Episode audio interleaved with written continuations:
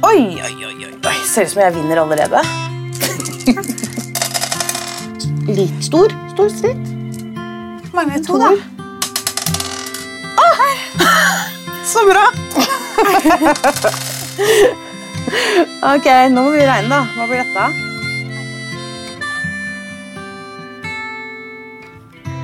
Noen ganger trenger ungdom og foreldre litt avstand og hjelp for å finne sammen igjen. Ulike hendelser eller livssituasjoner gjør at det kan oppstå alvorlige konflikter på skolen, i nærmiljøet og i familien. Jeg er Nils Harald Brattgjerd fra Bufetat, og denne podkasten er for deg som er nysgjerrig på å bli et TFCO behandlingshjem, er forelder, fagperson eller en ungdom som skal i behandling.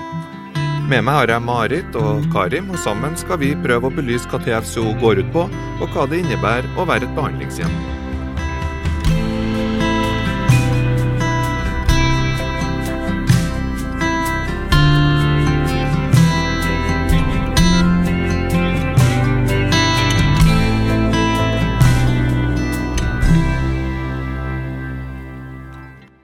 Før vi starter, må du nesten forklare hva TFCO er en forkortelse for, Karim. TFCO står for Treatment Fostercare Oregon, og det er et litt klønete navn, så vi pleier å, å kalle det for behandlingshjem eller treningsfamilie, hvor målet er at ungdommen skal flytte hjem igjen til sin biologiske familie eh, etter å ha vært i behandlingshjemmet i en periode på ni til tolv måneder. Karim, du har jo lang erfaring som behandlingsleder i TFCO. Mhm. Og du, Marit, har vært behandlingshjem for mange ungdommer, stemmer ikke det? Ja, vi har vært eh, behandlingshjem i elleve år. Vi har hatt eh, 13 plasseringer med ungdom fra helt ned i 13 år og opp til 18, faktisk. Det var en som runda 18. Vi er en familie på fire med to barn, der det yngste barnet var ett og et halvt ved første plassering vi fikk. Vi tre skal snart fortsette praten om eh, hvordan noen familier havner i denne situasjonen, hva som skjer i behandlinga, ulike roller og resultater, og hvordan du blir et behandlingshjem. Men før det jeg har tatt en prat med ei jente som for noen år siden har gjennomført behandling med TFSO. La oss eh, høre hvordan hun opplevde å bo i et behandlingshjem. Jeg heter Desirea, 24 år. Var i TFSO for ti år siden. Jeg kom til behandlingshjem der, eller fikk tilbud pga. jeg hadde problemer på skolen og hjemme. Jeg hadde feil venner og kom inn i et veldig dårlig rusmiljø, så var på vei til et veldig dårlig sted, egentlig. Så fikk hjelp og støtte til å komme meg ut av det. Og til å kunne takle voksenlivet og ja, det som kommer etter ungdomstida. Og få en utdanning. Kan du fortelle litt om hvordan det var eh, å komme i et behandlingshjem for deg? Eh, Det var veldig skummelt i starten. Eh, veldig, var veldig usikker på hva det var, og syntes det var veldig rart. Men så ble jeg kjent med behandlingshjemmet, og ja, da føltes det egentlig veldig naturlig og greit. Jeg var veldig fornøyd med hjemmet jeg kom til. Var veldig glad for at jeg følte meg liksom hele tiden som en del av familien og ble veldig inkludert. Det var eh, veldig koselig at de hadde barn, og da hadde jeg noen å liksom bruke litt tid med da, når jeg ikke fikk være med venner og treffe andre. Så var de jo veldig positive og hyggelige, og det virka som det var noe de likte å drive med, da. Det var viktig å lære meg å høre på de voksne, følge regler og rutiner. Så var det viktig å jobbe med samarbeidet med familien min. Etter hvert så fikk jeg lov til å være med venner, men da var det jo venner med positiv innflytelse. Og det hadde jo ikke jeg så veldig mye av, så da ble det nye venner. Hvordan var kontakten etter hvert da med de voksne i behandlingshemmet, Hva var det dere gjorde sammen, og hva besto hverdagen i for dere? Eh, masse forskjellig. Vi gjorde egentlig alt mulig.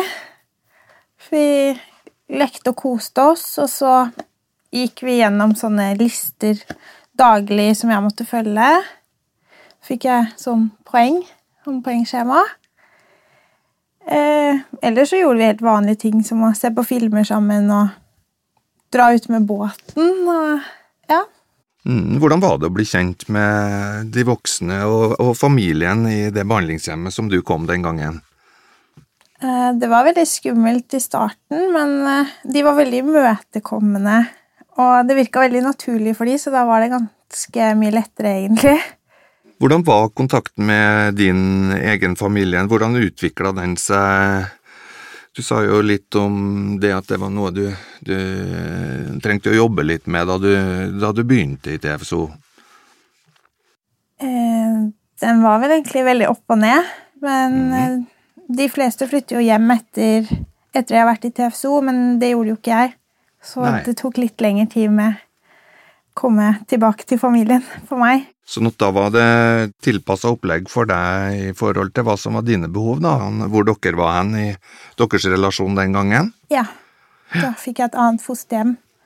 Eh, jeg syntes jo det var veldig trist å flytte fra fosterhjem, eller behandlingshjemmet. Mm. Jeg ville jo egentlig fortsette å være der, jeg. Men det gikk jo greit, og jeg var masse på besøk i behandlingshjemmet etter jeg flytta derfra også. Og etter, eh, etter en tid i fosterhjem, hvordan ble veien din videre da? Ja, jeg var vel 17 15 før jeg flytta hjem til mor. Eh, når du tenker tilbake på eh, tida i behandlingshjemmet og, og det som skjedde, hva, hva, hva, vil du si var de viktigste endringene eller resultatene for din del? Eh, at jeg fikk trygge voksne å forholde meg til, og at jeg fikk noen som satte regler og hadde rutiner for meg som jeg faktisk måtte følge. Og at det blei liksom fulgt opp, at jeg fulgte det opp. Um, hva, hva, vil du si nå i dag uh, at uh, eh, TFCH har betydd for deg senere i livet, da, Desiree? Uh, det hjelpa meg ut av et dårlig miljø, og lærte meg til å ta bedre valg for meg selv og sette mer pris på ting, da. Det hjelpa meg til å begynne å følge litt opp skolen og å få litt rutiner i livet, da. Tiden etterpå, og når jeg har blitt voksen, så setter jeg veldig pris på det Jeg har sett at det har vært veldig positivt for meg, da. Har du noe råd til ungdommer eller eh, foreldre som får eh, tilbud om eh, TFCO? Jeg råder jo de som får tilbud om det, til å takke ja. For å få hjelp til å få bedre kontakt med familie og mm. litt rutiner og hjelp med skole og oppfølging. Hvis noen hører på oss nå og tenker at eh, kanskje vi skulle vurdere å, å bli behandlingshjem i TFSO, hva bør de tenke gjennom? De burde ha tid til det, og virkelig være interessert i å hjelpe ungdom. Eh, ja, og i det hele tatt være sånn imøtekommende personer og positive. Og veldig tålmodige.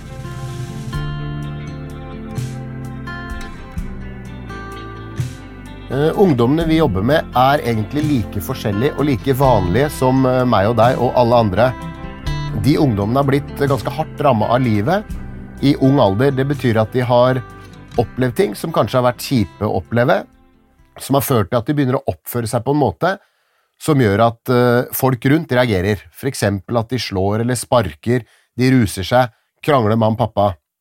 Det som er viktig å huske på, er at disse ungdommene er helt vanlige ungdommer med akkurat de samme behovene, ønskene og drømmene som alle andre ungdommer. Så vi ser ikke på ungdom som syke eller dumme eller Tvert imot, alle blir ramma av livet iblant. Disse har fått mange slag, kan du si, eh, på en gang, som gjør at de er ekstra sårbare. Eh, og det er, er egentlig sånn ungdomsgruppa ser ut. Det er sånn med disse ungdommene som alle andre ungdommer, de er både like og forskjellige. Ja.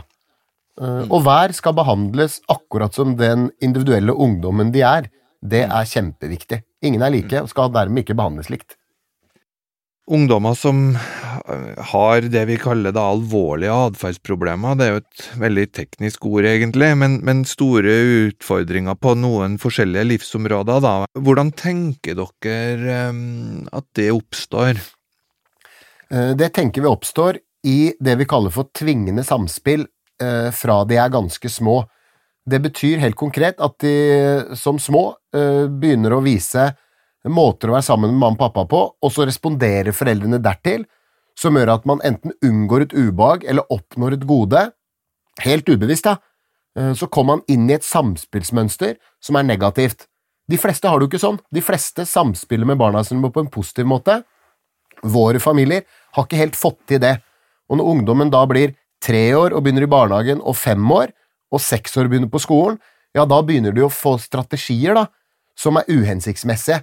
Det betyr at andre kanskje trekker seg unna, eh, og tvingende samspillet de har hatt hjemme, eh, manifesterer seg også i barnehage, på skole og med venner. Og så får vi de inn i programmet typisk, da, TFSO, når de er 15-16 år, og da har det låst seg skikkelig fast. Det positive med en sånn samspillsforståelse er at det går det an å gjøre noe med. Så det er ikke egenskaper ved familien eller ungdommen som gjør at dette ikke går. Tvert imot, det er det å øve på å være sammen på en annen måte. Der ligger løsningen. Mm. Ja, for det høres jo ut som det kan være ganske vanskelig situasjon å stå i både for ungdom, foreldre og kanskje de nærmeste rundt, eh, hvis man er i en litt sånn negativ eh, sirkel eller har et samspill som er sånn som du beskriver, da. Mm. Ja, klart det, og det er jo grunnen til at vi eh, lar de få en pause fra hverandre i starten av behandlingen, mm. og at ungdommen da skal liksom få eh, senke skuldrene og være trygg en periode. Ofte så kommer de fra en situasjon som er krevende hjemme, som du sier, eller at de sitter plassert i institusjon akutt. Mm. Så vi er veldig opptatt av de skal få lande uh, i en veldig trygg uh, base, begynne å reetablere uh, båndet til foreldrene. Og det gjør vi alltid i ungdommen og foreldrenes tempo.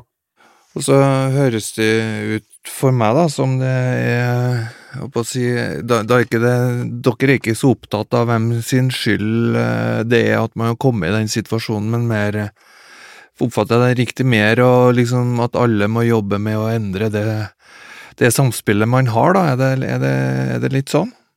Veldig riktig tenkt. Og en ungdom tenker vi aldri har skylda for situasjonen de er i. De kan ha gjort dumme ting, det har de ofte gjort, eh, men vi skiller veldig tydelig på det du har gjort, og den du er, og hvilken personlighet du har. Eh, du kan ha gjort dumme ting, men allikevel være en skikkelig skikkelig ålreit person. Akkurat det samme er det for mamma og pappa. Og vi alle kan komme i situasjoner hvor vi opplever at tvingende samspill med folk rundt oss. Eh, så vi skal på en måte ha ganske stor ydmykhet for den situasjonen familiene våre er i, og ungdommen er i.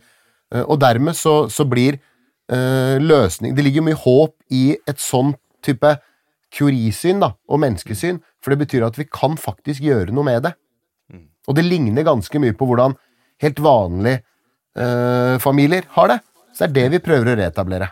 Mm. Så her er det her er det mulig liksom å jobbe med, eh, med en optimistisk tilnærming og, og, ta de stegene, og at små endringer gjør, eh, kan slå godt ut over tid. Er det sånn?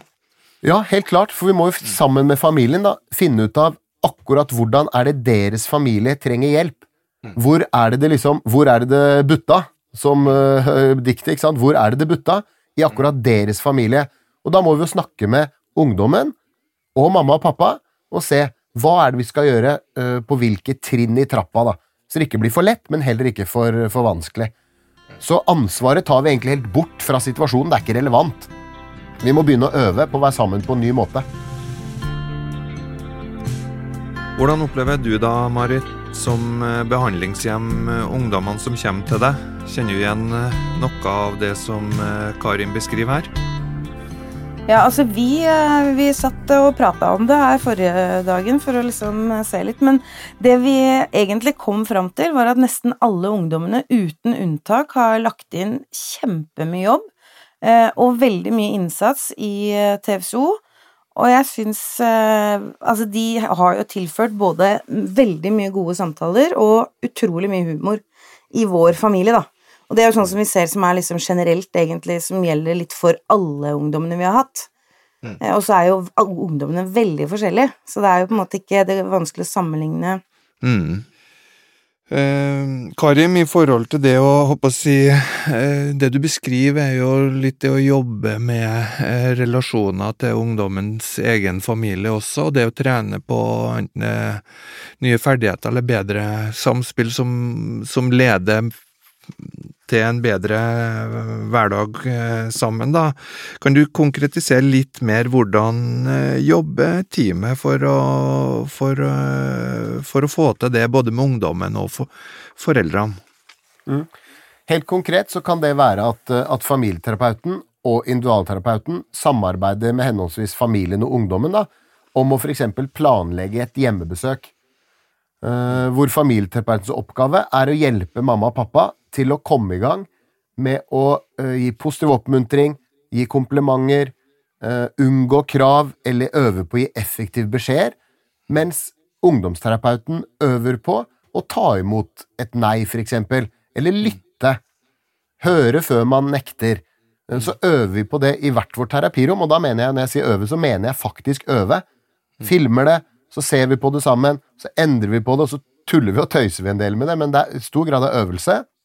Så kommer man sammen, altså individualterapeut og ungdom kommer inn i rommet der hvor familieterapeuten har øvd med foreldrene, og så øver man sammen. Og så lager man en plan, og så går man ut og gjør det hjemme. Eksempel en lørdag formiddag, da. Mm. Og så har de kontakt med oss, da, og så sjekker vi hvordan gikk det. Gikk det bra, gikk det ikke bra, hva gikk bra eller dårlig? Så er bare ett eksempel hvordan vi kan begynne å jobbe med en positiv relasjon, da. Så er det mange andre eksempler. Så da, da får jeg et bilde av det her du sa om det å ha Det å være det treningssenteret, eller være den, i den treningssituasjonen, egentlig. Så det betyr at dere har en base et sted, da, som, som, hvor foreldre og ungdommer og behandlingshjem Eh, kommer innom da på en måte og, og jobbe, møtes og jobbe med disse forberedelsene, er det riktig? Mm, vi har lokaler som er uh, sentralt plassert i forhold til behandlingshjemmet, altså ca. en time, halvannen time fra behandlingshjemmet, alt ettersom. Eh, og så kommer ungdommene og familien inn til eh, behandling inne i våre lokaler, hvor vi har terapirom som er lydisolerte og gode, hyggelige lokaler, som gjør at man kan bruke uh, omgivelsene, da, altså kontorlandskapet fleksibelt, til beste for ungdommen og familien. Og det viser seg det at det er ganske ålreit å gjøre det på nøytral grunn, som da lokalene våre er. Ja. Og du da, Marit, når, når du merker at det er tema som det jobbes med med behandlingsteamet mellom ungdommens egen familie og ungdommen, hva, hva er det det kan hva kan det innebære for deg som behandlingshjem? Da, på hvilken måte oppfatter du det her, og hva er det du gjør for å støtte opp om denne, eh, de her prosessene? Um, altså det, kan jo, det kommer jo veldig an på ungdommen, men det kan jo slå ut både i frustrasjon og litt sånn irritasjon og sinne, eller de kan være lei seg, du ser de er slitne. Mm. Uh, spesielt da kanskje når det er ting som blir tatt opp som er vanskelige, og som man kanskje ikke forstår, eller man er enig i. Eh, men da er det jo å gi rom, da, for å kunne liksom eh, ikke Altså kunne være litt for seg selv, eller kunne sitte og prate med oss, være liksom til stede, hjelpe dem med å ta opp frustrasjonen. Kanskje det ikke er så innmari lett å ta det opp med behandlingsleder, og at det er lettere at det går igjennom en du har sittet og prata med på sengekanten, liksom. Mm. Um, ja, så det er liksom Man må egentlig eh, snakke ganske tett med behandlingsleder og mm. få liksom litt følelse av hva er det som skjer, og hvor, hvorfor er det Hva er det som skjer nå, liksom? Hva, mm. Man merker jo at ungdommen har ting de tenker på, eller ja, mm. de bekymrer seg for. Og da kan du være, eh, høre i den, fortsatt i den rollen du liker å være som behandlingshjem, at du kan støtte og oppmuntre og ja. backe opp ja. rundt det, for da vet du hva som foregår gjennom kontakten med behandlingsleder. Ja. Er det riktig? Ja.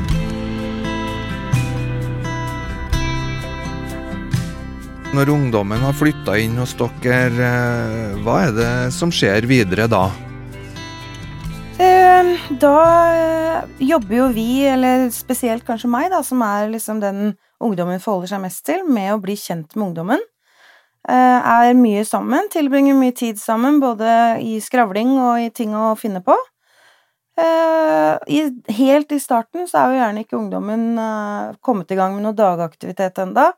Så da er det liksom, hvis de kanskje mangler noe, kanskje de har lite klær, Kanskje det er noe de trenger, man drar kanskje og finner ting til eh, rommet deres som de kan pynte med, eh, gjør litt sånne ting, og så kommer jo ungdommen i gang med med, med skole eller en dagaktivitet, og da er det det de på en måte driver med på dagtid. Eh, en ting som liksom blir viktig for oss, eller det vi på en måte jobber for, er jo at de skal føle seg trygge hjemme hos oss, eh, og gi de den omsorgen, den muligheten til å på en måte kunne henvende seg til oss hvis det er et eller annet. Det er jo mye følelser i starten av en plassering, og egentlig gjennom plasseringene. Uh, det høres ut som du er veldig tilgjengelig og tett på her, Marit. Eh, hvordan, hvordan henger det sammen? Eh, altså, vi er jo, eller jeg er jo eh, sammen med ungdommen mer eller mindre hele tiden i starten. Eh, og får en rask relasjon til den ungdommen som kommer til oss. Eh, og da er det alt fra å liksom være med på skolen hvis de har behov for det, eller kjøre til terapier, eh, være med i forbindelse med for eksempel venner. Eh, ja, vi er sammen med ungdommen hele tiden i starten. Mm. Og Det betyr at du har fri fra andre gjøremål for å, for å gjøre den, den, oppgaven så tett, da? Ja, vi lever jo, vi lever jo rundt ungdommen, holdt jeg på å si, i starten. Mm. Sånn at det er jo ungdommens behov og, og det som kommer først. Mm. Og det er, eh, ja, det er jo viktig å tenke på som hjem òg, at det her er jo ikke Det er jo en som ikke kjenner til verken oss eller, eh, eller, noe som er hjemme hos oss, og da er det jo på en mm. måte litt viktig at vi jobber for at dem skal få det bra, da. Hvordan vil du si at det å være behandlingshjem har påvirka din eh, familie, når du, ser, eh, når du sier noe om at du har, dere har hatt ganske mange ungdommer boende hjemme hos dere, Marit? Um, det som vi kanskje har merka veldig Nå har jo vi hatt ungdom i veldig mange år, men det vi merker veldig, er når vi får en ny ungdom, så blir det en veldig sånn sammenspleisa Plutselig så er vi en familie på fem, og vi skal bli kjent med et menneske til. Eh, så vi gjør veldig mye ting sammen, eh, alle fem, og blir godt kjent og gjør Er liksom en familie som gjør veldig mye ting sammen de første ukene. Eh, og du blir jo veldig vant til å være spontan, finne på ting litt sånn på sparket, eller at du kanskje må legge fra deg ting litt på sparket. Forståelse for andre, i hvert fall kanskje med ungene sin del.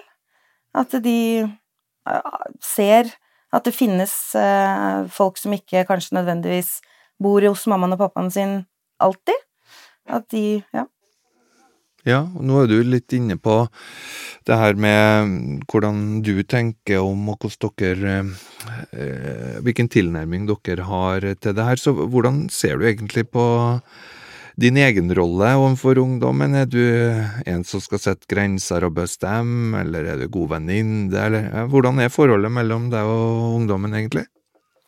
Eh, altså, vi skal jo ikke sette verken noen grenser eller ta noen avgjørelser eller bestemme eh, de store tingene rundt ungdommen i det hele tatt. Det er det jo behandlingsleder som gjør.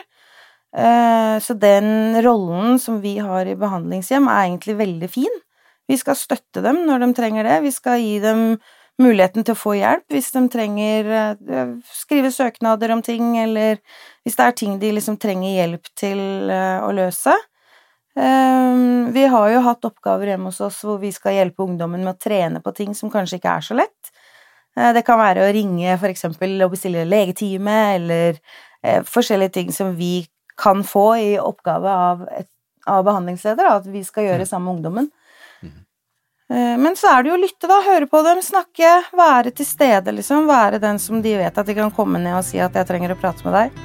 Mm. Mm. Så det å være en trygg voksen ja er, er viktig her. Mm. Hva tenker du som behandlingsleder da, Karim, om eh, hvilken type hjemmesituasjon er det du ønsker deg i et behandlingshjem, egentlig, når du, når du ser etter det? Eh, det vi ønsker, er at det er et stabilt hjem med to voksne, hvor den ene kan være hjemme på fulltid, som Marit beskriver, for det er en, en jobb de blir betalt for være hjemme på, på fulltid, så det er viktig. Eh, barn og dyr er ofte veldig positivt. Iblant så blir jeg spurt om det, om det er for krevende med små barn, og erfaringen er at det ikke er det. Marit hadde to små barn, og de, alle hjemmene våre har barn, og det er ofte en styrke, sammen med dyr. Det er ikke et must, selvfølgelig, men det kan være en fordel, som en litt sånn isbryter, på sett og vis, i starten. Uh, og så er det viktig at også partneren syns det er ålreit at uh, den andre som har oppgaven, da, som jobber liksom i TFSO, uh, at de er to voksne som kan eh, bistå. For det er som Marit sier, det kan bli tett, Det er vi avhengig av at de har en forståelse i paret om at de kan dele på det iblant, da. Du, du brukte jo ordet coach eh, her litt tidligere. Er, det noe som du vil si er fremtredende for eh, liksom måten å ja, utøve liksom rollen som behandlingshjem på? Ja, jeg tenker det. Jeg tenker på ofte som det å være toppidrettstrener er på en måte behandlingshjemmet. Eh, og da vet vi jo at det å eh, oppmuntre, rose, heie på, er det som får utøvere, eller ungdommen da, i dette tilfellet, til å prestere og få til livet sitt skikkelig. Og det er helt unikt med TFSO, for det er en voksen person da, som hele tiden står og heier på ungdommen, selv om de noen ganger driter seg ut, for det gjør alle. Du vil skåre sjølmål i en fotballkamp, og du vil skulke skolen som ungdom i TFSO, eller ruse deg, eller hva det måtte være. Det er ikke verdens undergang, så vi trenger folk som forstår rollen sin, og da oppmuntrer når folk er nede. Ungdommen ikke får til noe heier, oppmuntrer og bidrar til at ungdommen igjen uh, gjør et nytt forsøk, som kanskje er litt bedre enn en det forrige. Sånn er det vi øver. Så det ligner ganske mye på, på toppidrett, egentlig. Vi har klart definerte roller, da. Mm. Så jeg hører jo at eh, når man kommer liksom i gang med hverdagen, så må man være litt forberedt på at det kan også være litt intensivt, eh, eh, det som skjer eh, i, hverdagslivet. eh, og det å være med å følge opp det. Er det flere ting den situasjonen kan kreve av behandlingshjemmet som eh, du tenker det er viktig for et behandlingshjem å være litt bevisst på? Ja, man må være bevisst at man er en del av et team, og like å jobbe i team. Og så sier jo alle det, vi jobber i team, men i TFSO så jobber vi i team. Altså, vi er gjensidig avhengig av hverandre. En av rollene er like Altså, det er ingen rolle som er viktigere enn en annen. Det er helt sentralt at, uh, at behandlingshjemmet syns det er ålreit å jobbe i team, og at de åpner opp hjemmet sitt da, rundt informasjon om hva som foregår og ikke, sånn at behandlingsleder faktisk kan bestemme ting rundt ungdommen på et best mulig grunnlag. Eh, Så det er det ene. Det andre som er viktig, er at man klarer å jobbe etter en struktur. Eh, Så det betyr at man må være villig til å la seg veilede i en strukturert modell. Mm. Kan du utdype hva den uh, veiledninga kan bestå i, og hvordan det er lagt opp? Eh, Det er ukentlig veiledning, i tillegg til at behandlingsleder er tilgjengelig for hjemmet 24-7. Eh, I den ukentlige veiledningen er det stor grad av eh, forventning til at hjemmet kommer forberedt, med ukas tema, eh, som behandlingsleder har bestemt sammen med øvrig team tidligere den samme uka. Så Det betyr at vi jobber på et hovedmål sammen alle sammen, og behandlingshjemmet har sin konkrete oppgave til det, som de må beskrive, utviklingsbehov og nådde mål i den inneværende uka for behandlingsleder. Eh, Det gjøres etter en ganske strukturert mal. I tillegg så må de være villige til å ringe til behandlingsleder og be om støtte og hjelp i forkant av en situasjon. Hmm. Så det betyr at man må være på litt sånn på tå hev, i hvert fall i starten, på å kontakte behandlingsleder når man ser at hm, nå er det noe i emning her. For vi kan alltid se et mønster før det smeller, for å si det litt enkelt, da. Ja, når Karin forteller litt om det her, hvordan eh, kjenner du deg igjen i det, Marit, som behandlingshjem, og hvordan opplever eh, du eh, det å være i den rollen opp mot eh, behandlingsteamet, egentlig? Eh, altså, nå har jo vi hatt Vi har jo trivdes veldig godt med å jobbe i TFSO. Eh, og en av de fordelene, tenker jeg, i TFSO, er jo at du faktisk eh, får den hjelpa. At du får den veiledninga, og du får beskjed om hva du skal gjøre når du er i situasjoner som kanskje er vanskelige. Eh, I tillegg til at du har den veiledninga med andre hjem som kanskje har vært i samme eller lignende situasjoner tidligere, og kan komme med tips og forslag til hva man skal gjøre da. Ja, så dere har da kontakt med andre behandlingshjem også eh, i, i eh, deres hverdag som behandlingshjem, stemmer det? Hver uke så treffes eh, alle hjemmene i det teamet. Det er veldig ålreit å kunne lufte både litt frustrasjon og glede, og eh, ja, at du har den samlinga hver uke er kjempeålreit. Eh, Karim, eh, når du hører Marit fortelle litt om, eh, om det å være behandlingshjem. Hva vil du si egentlig rollen til de voksne i behandlingshjemmet, og hva er det Marit skal gjøre for å, for å hjelpe ungdommen? Det snakker vi mye om, det er et viktig tema. Veldig, veldig i stor grad så handler det om å være egentlig en coach. Positiv voksen med humor, varme, som skal hjelpe ungdommen i gang med livet sitt igjen. Det er normalisering, helt vanlig hverdag, som består av hyggelige måltider, handletur, skole etter hvert, uh, men gjøres da i veldig stor grad med et veldig fokus på en god relasjon og et positivt syn på ungdommen. Mange av våre ungdommer har opplevd ganske mye negativ tilbakemelding, gjennomgående negativ tilbakemelding fra voksne. Det snur vi umiddelbart. Det starter på oppstartsmøtet hvor Marit eksempel, allerede der forteller ungdommen hvor glad de er for at de får møtt dem.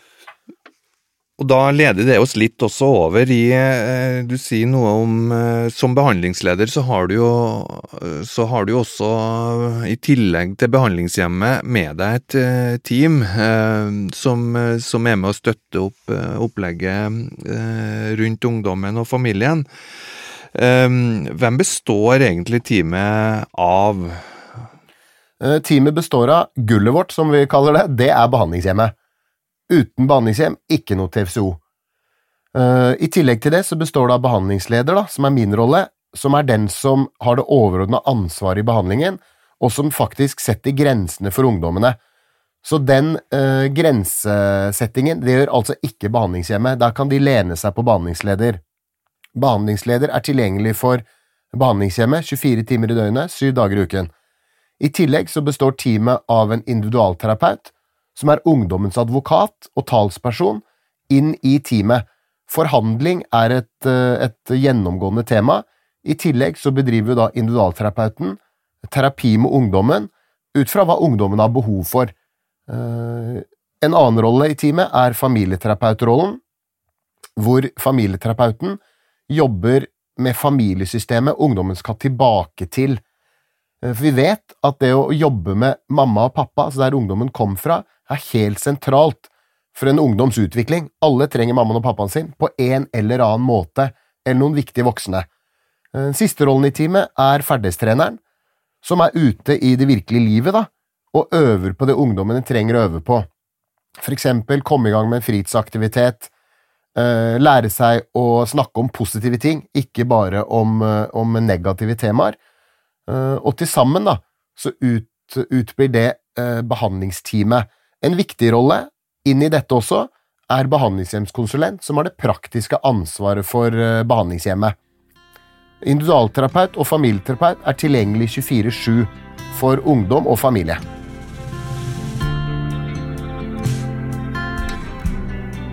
Vi skal gå litt over til å snakke også om resultater av arbeid med behandlingshjem, treningsfamilier treningsfamilie eller TFCO, da.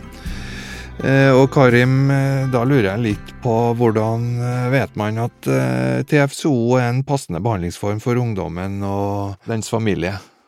I forkant av plassering så gjør vi alltid det som heter, kalles en kartlegging. Det betyr at vi blir litt kjent med ungdommen og familiene, og vi sjekker ut akkurat hvor er det skoen trykker for deg. Uh, og så Når vi har funnet ut det, da, da, tar vi det som heter en baseline. altså Vi ser på hvor ofte gjør du ting som er uh, dumme, og hvor ofte gjør du ting som er bra. Frekvens, omfang, varighet og hyppighet. Ut fra det så utarbeider vi hovedmål som er skreddersydd for den enkelte ungdom og familie. Så er det jo to sett med mål, da. Hva mamma og pappa skal gjøre, og hva ungdommen skal gjøre, for at de skal kunne bo sammen som en familie igjen. Uh, og så er det klart at i tillegg til det så har vi disse registreringene våre, som jeg uh, jobber litt med, og det er at vi gjør på en måte noen tester før og etter behandling. For å, for å liksom måle litt uavhengig av hva ungdommene sier, og hva vi selv sier. Og så følger vi opp hver familie 6, 12 og 18 måneder etter at de er ferdig i behandling. Da har vi det som vi kaller for demografiske mål, altså det er går ungdommen på skole? Har ungdommen vært voldelig? Er de rusfrie? Bor de hjemme? og avstår de fra kriminalitet. Altså Det er de fem målene som vi vet fra forskning er store risikofaktorer for at ungdom generelt kommer inn i skjevutvikling. Så vi er opptatt av egentlig å finne ut av det, da. Men mest av alt, i den, i den daglige hverdagen så er vi opptatt av at ungdommen og familiene når sine helt, helt konkrete mål, da. Det høres jo ut får et bilde av at dere har en systematisk og strukturert tilnærming, men samtidig så slår det meg veldig det her med det du sier med at det er en høy grad av eh, individuell eh, tilpasning, altså det vil si at du tar høyde for den konkrete livssituasjonen til hver enkelt ungdom og, og familie. Mm. Eh, det er viktig, fordi stort sett så flytter ungdommene hjem til sin biologiske familie, men ikke alltid. Ca. 15% av sakene våre, så langt, av 80 saker, da, eh, flytter til et annet sted enn familien sin. Eh, og det vet vi noen ganger før plasseringen, men noen ganger så oppdager vi det sammen med familien og ungdommen underveis i plasseringen. Og da må vi tilpasse målet knytta opp til den ungdommens livssituasjon. Så det er veldig stor grad av skreddersøm i en strukturert behandlingsmodell som TFSO jo er. Nå har jo du jobba som behandlingsleder i ganske mange år, eh, Karim. Hva er hovedresultatene dere har oppnådd så langt? Eh, vi fullfører behandlingen med måloppnåelse i omtrent 80 av sakene våre eh, i gjennomsnitt. Så Det betyr at vi når hovedmålene i behandlingen da, helt eller delvis på de ulike hovedmålene. Typiske hovedmål i TFCO-behandlingen er jo å flytte hjem igjen til familien sin, gå på skole, ha ålreite venner, drive med ålreit på fritida, og eventuelt avstå fra rus, da. De vi ikke klarer å hjelpe, de jobber vi veldig hardt for og prøver å hjelpe videre i eh, tiltak som kan hjelpe de. Mm.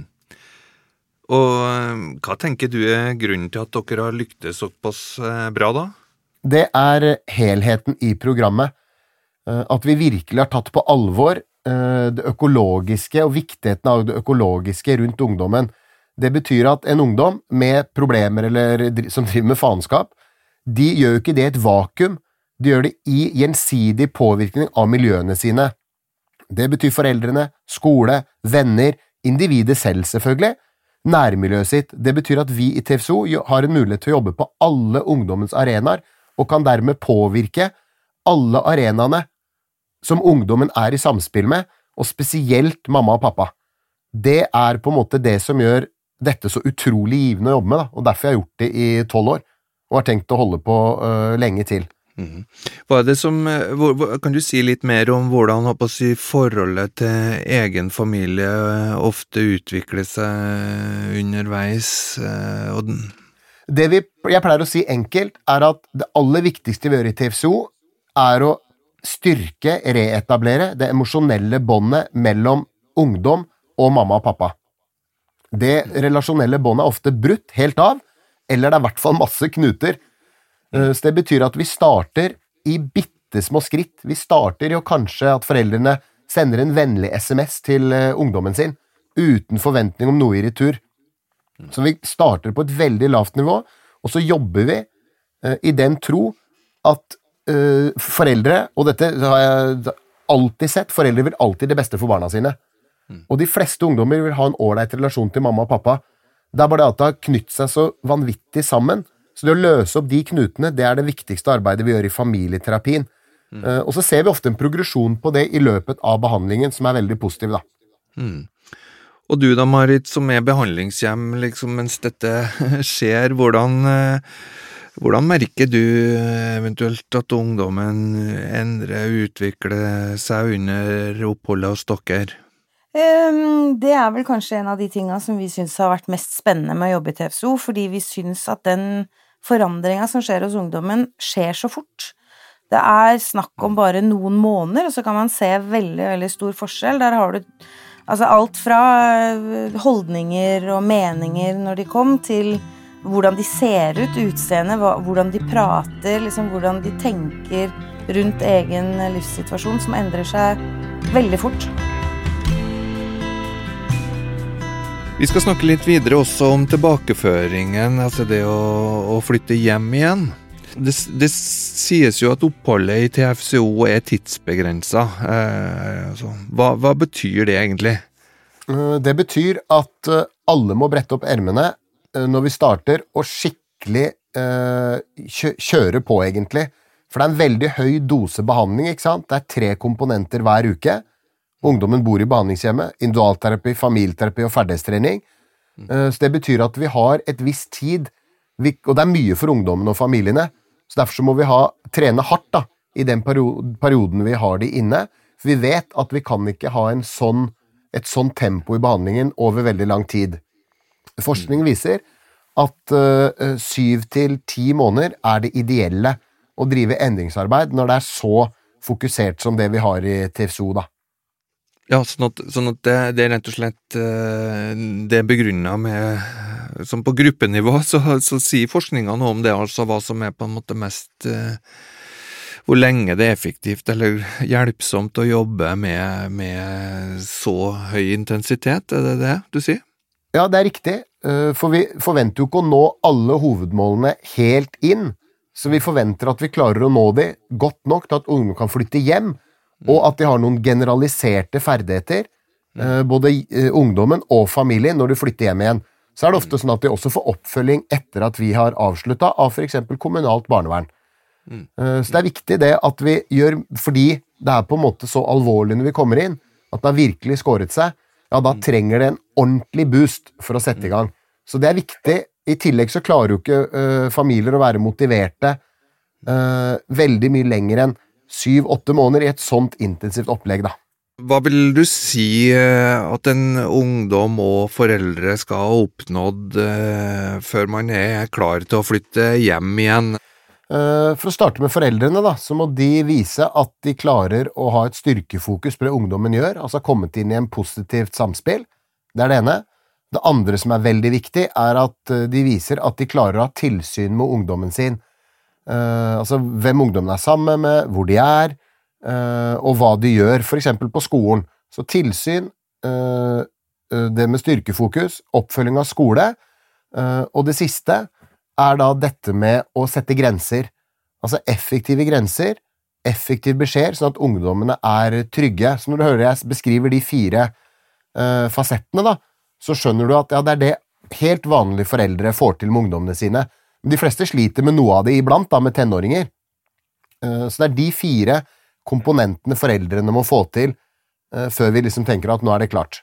Hvordan, eh, hvordan har ungdommer og foreldre det med, med, med troen på å, at det skal gå bedre og gå bra når man først kommer til det punktet at ungdommen flytter hjem igjen? Det er en veldig utvikling i akkurat det. Ofte så møter jo vi folk når de er eh, på sitt dårligste. Det er liksom samling i bånd, ungdommen er plassert, foreldrene har gitt opp alt håp, de har ofte hatt mange behandlinger før som ikke har fungert. Og det er veldig sårt å møte en ungdom som har mista fullstendig håp om at mamma og pappa kan være bra for dem, og noen foreldre som har mista håp om at de kan eh, være gode foreldre for ungdommen sin. Utover i behandlingen så ser vi ofte et skift. Eh, etter fire-fem måneder så pleier vi å se et skift i at de har fått noen positive opplevelser sammen, og dermed begynner å ha tørre å tro på at dette kan bli bra. Men de må ha noen erfaringer. altså Det holder ikke at vi snakker om det. De må ha noen erfaringer som de kjenner at dette kan jo bli bra, dette kan gå veien. Eh, Og når vi kommer i sluttfasen, så er det blitt litt sånn at de tenker at ja, dette får vi til. Dette er eh, vår nye hverdag sammen, da, som familien. Og da ser vi ofte at det er en glede, selv om det er fremdeles noe risiko uh, igjen i familiesystemet, da. Ikke sant?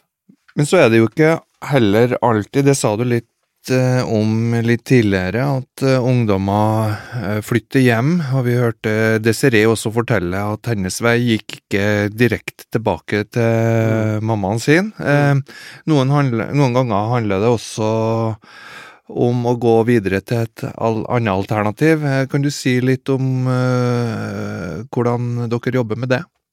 Ja, det kan jeg. Det er viktig å alltid ta hensyn til den individuelle familie, som jeg har sagt før.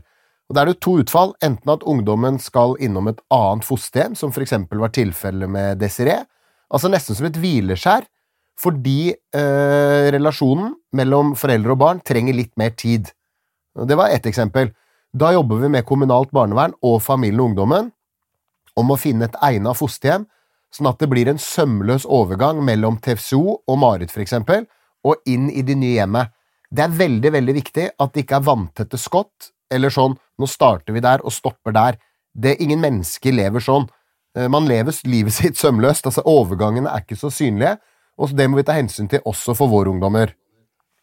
Eh, Så legger vi ned mye ressurser i å finne, eh, sammen med kommunalt barnevern, finne et hjem som egner seg, og som eh, er villig til å samarbeide med oss i en overgangsfase. Eh, Andre alternativet er der ungdommene er så store at de skal etablere seg egen bolig. Og da jobber vi med å få ferdigheter som gjør at man kan klare seg i egen bolig, med oppfølging ofte av kommunalt barnevern eller Nav, for eksempel, hvis de er over i det systemet, gjennom at de har dag, dagarbeid eller skole, og at de får oppfølging i det de måtte trenge. Men stor grad av øving i ferdigheter. Allikevel så blir arbeidet med familien veldig, veldig sentralt, for du har jo kontakt med mammaen og pappaen din selv om du ikke bor der. Så familieterapien blir like viktig uavhengig om hvor basen skal være, da.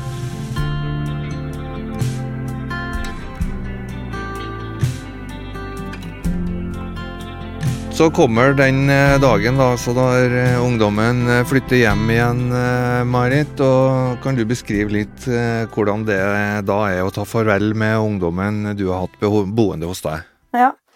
Eh, altså, nå er det jo Disse bor jo sammen med oss og tilbringer jo ekstremt mye tid sammen med oss. Det er jo klart vi blir jo kjempeglad i dem. Eh, og det er jo rart å ha et menneske boende hjemme hos seg som da plutselig ikke skal bo der lenger. Så det er jo både trist og rart, ikke bare for oss voksne, men for barna òg, på en måte, å ta avskjed med et menneske som du kanskje har fått en kjempegod relasjon til, da. Men uh, i forhold til selve avslutninga som vi har med ungdommen, så er den stort sett uh, mer lykkelig enn trist, fordi ungdommen ønsker jo veldig å komme seg videre og flytte hjem igjen, uh, og komme ut av TFSO. Sånn at det er jo på en måte litt Det er jo på en måte en situasjon som blir mer gledens dag enn tristhet, da. Så det blir jo på en måte det man sitter igjen med etterpå som hjem. Så I tillegg så har vi en, en avslutning med hele teamet, hvor behandlingshjemmet og mamma og pappa, ungdommen og alle som har jobba rundt ungdommen, og kommunalt barnevern er invitert til egentlig en feiring, litt sånn graduation kaller vi det. For det er søren meg godt gjort å ha gått gjennom TFSO, det er de færreste mennesker som får til i løpet av livet sitt, og det skal ungdommen ha masse kred for. Og jeg pleier, altså i likhet med Marit, så blir man jo glad i dem, også fra mitt perspektiv, så det er ofte veldig rart å holde den avskjedstalen, eh, fordi man merker jo da at eh, man er glad for at de skal ut i den virkelige verden. Samtidig så har det vært utrolig givende å jobbe med familien, eh, ungdommen og foreldrene, og se den progresjonen de har hatt, da. Så man blir både stolt og rørt, faktisk, på avslutningsmøtet. Eh, Og det vet jo Marit, som har sett meg holde flere avslutningstaler, hvor jeg leser dikt noen ganger, og eh, blir, jeg blir rett og slett rørt, faktisk. Selv om det er jobben min, så blir jeg berørt av det. For det er mennesker, eh, så vi, har, vi er jo så mye sammen. Og vi er så tilgjengelige, så det blir noe mer enn bare en jobb, hvis du skjønner. Mm. Ja, det skjønner jeg godt. Og det høres jo veldig meningsfylt ut. Vi har nå kommet til veis ende i samtalen vår, men eh, hvis noen nå sitter og tenker at de er nysgjerrig på det å bli et behandlingshjem, men er usikker på om det er noe for dem, hva er terskelen for å ta kontakt? Den er, og bør være, veldig, veldig lav, fordi vi sier litt flåsete at det aller viktigste hjemmene våre har, det er humor, varme og evne og lyst til å jobbe etter en struktur. Eh, Og det er akkurat det Marit eh, har gjort i mange år. Så det er de viktigste momentene, egentlig. Så man trenger ikke ha noe høyere utdannelse, være noe vanvittig eh, sånn opptatt av man si, det liksom, eh, psykologiske i det. Et genuint ønske om å jobbe med barn og ungdommer med utfordringer, og lyst til å jobbe i et team med varme og humor. Da er det verdt å ringe.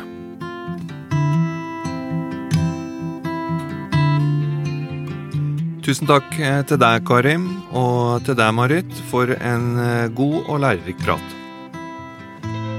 Nå håper jeg at du som har lytta på oss, har fått litt mer innsikt i behandlingstilbudet til FCO, og hva det vil si både å være i, og det å være en treningsfamilie og et behandlingshjem. Det etableres nå flere TFSO-team i Norge, og det er et eh, stort behov for flere behandlingshjem. Er du interessert? Da finner du kontaktinformasjon til behandlingslederne i TFCO-timene på bufdir.no. Du har hørt på Bufetat sin podkast om TFSO. I studio satt Nils Harald Brattgjær, avdelingsdirektør i Bufetat, Karim Lekal, behandlingsleder i TFSO, og Marit Rakkestad, mangeårig oppdragstaker som behandlingshjem. Samtalen er spilt inn i juni 2020. Tida den går fort ifra oss. Ja, om det er en ting vi vet, kan vi ikke legge alt det tunge bak oss. Kanskje da kan vi få det sånn som vi drømte om en gang. Jeg har leita etter et sånt sted som jeg veit jeg alltid kan komme tilbake til. Jeg som trodde jeg kunne klare alt